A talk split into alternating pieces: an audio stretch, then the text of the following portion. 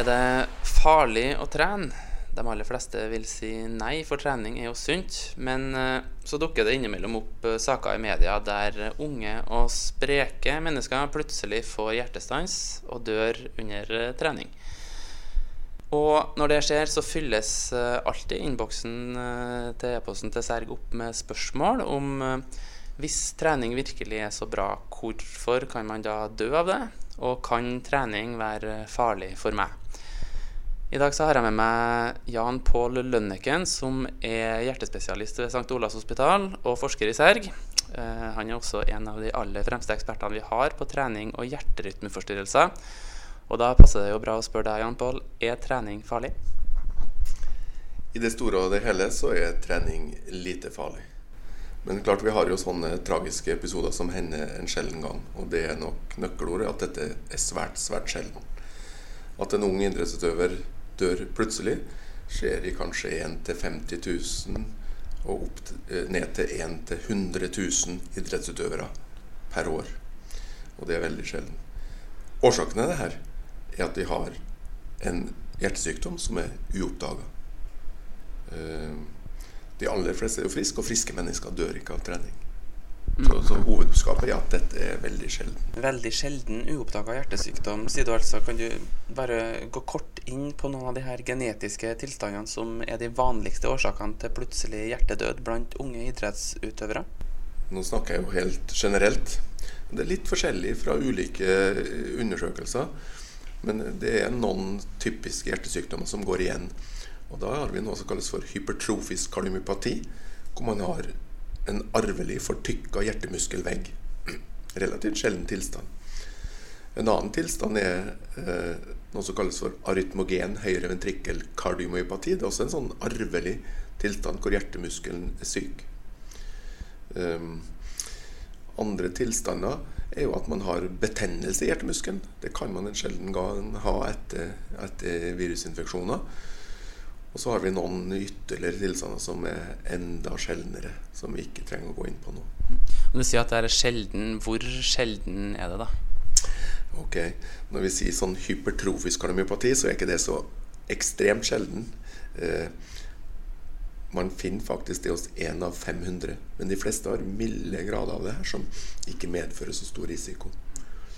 Av de andre tilstandene så snakker vi én av 5000, kanskje. Okay. Ganske lav sannsynlighet for at man har det. Da.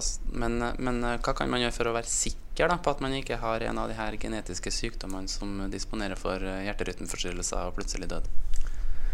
Det er nok slik at man aldri kan være helt sikker, selv om man er undersøkt grundig. Og det ser vi jo i utlandet, hvor man screener idrettsutøvere. Altså tester dem for alle disse tilstandene. Og redskapene vi bruker da, er ikke gode nok til å fange opp alle sammen. Så man kan aldri være helt sikker. Men det er noen sånne varskosymptomer varsko og tegn som man skal være obs på. F.eks.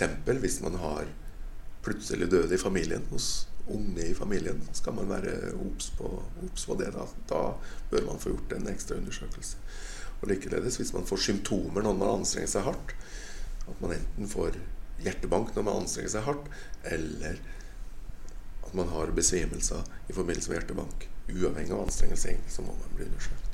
Ok, Så sjeldne arvelige tilstander er den vanligste årsaken til at uh, unge idrettsutøvere dør plutselig. Men hvis man er frisk, så kan man altså ikke dø av trening. Men så hører vi jo også av og til om uh, middelaldrende og eldre som plutselig detter om og dør mens de er på treningstur. Og da har jeg forstått at det uh, ikke lenger er de her medfødte, uoppdaga sykdommene som er den vanligste årsaken. Passerer du mye mer enn 30 år, allerede rundt 30 år, tror jeg faktisk, så, så er det det vi kaller for koronar hjertesykdom som dominerer som dødsårsak. Altså at man har uh, fettavleringer i, i årene som fører blod til serverte, og da har enten trange områder eller får da hjerteinfarkt i forbindelse med anstrengelse. Og det er en vanlig tilstand. Hva, hvordan kan man eh, avsløre på forhånd at man er i risikosonen for eh, det? Det, det, viktigste er jo symptomer. Hvis man får eh, vondt i brystet ved anstrengelse, og spesielt hvis det gir seg når man stopper opp, så, så er det et tegn på at man kan ha en slik tilstand. Eh, Har man andre risikofaktorer, så, sånn som høyt blodtrykk og høyt kolesterol og, og slikt, så, så, kan man uh, uh, snakke med lege og bli undersøkt av lege i forhold til dette med å trene hvis man har opphopning av risikofaktorer for, uh, for kransåresykdom eller, eller hjerte-karsykdom, som vi sier. Nå har vi snakka om tilstander som kan eh, gi eh, hjerterytmeforstyrrelser som er farlige, altså som kan få hjertet til å stoppe. Men så har vi også en annen hjerterytmeforstyrrelse som er mye vanligere, altså atrieflimmer. Kan du bare fortelle litt om forskjellen på hjerteflimmer og de her eh, andre flimmertypene som vi har vært inne på nå? Mm. Atrieflimmer er det som folk på folkemunne kalles hjerteflimmer. Det, det, er en eh, relativt hyppig tilstand som vi ser til en 2-3% av, av befolkninga. Da er det de små kamrene i hjertet som, som, går i en veldig uregelmessig hjerteaksjon. Og Det lever vi fint med, men vi kan være uh, veldig plaga av det når vi har det. Vi får ikke hjertestans av atrieflimmer. Hovedkamrene i hjertet fortsetter å slå. I en tidligere podkastepisode så, så, konkluderte vi med at uh, trening innenfor normale nivåer det er egentlig bra det er for å forebygge atrieflimmer. Men hva hvis man allerede har atrieflimmer? Hvordan er det med trening da? Ja, Det er et litt vanskelig felt, fordi det er ikke gjort så veldig mye forskning på det her feltet. Det er gjort en rekke små studier.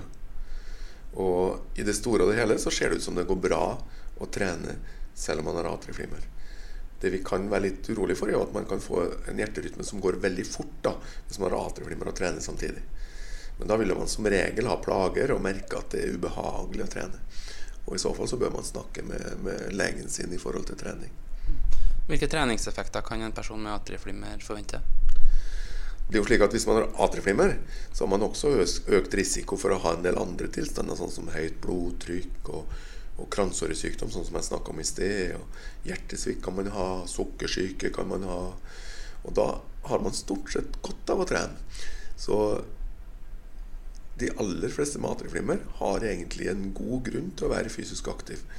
Og den største effekten får man nok på å forebygge nye hendelser eh, fra andre eh, av andre sykdommer, sånn som kransåresykdom.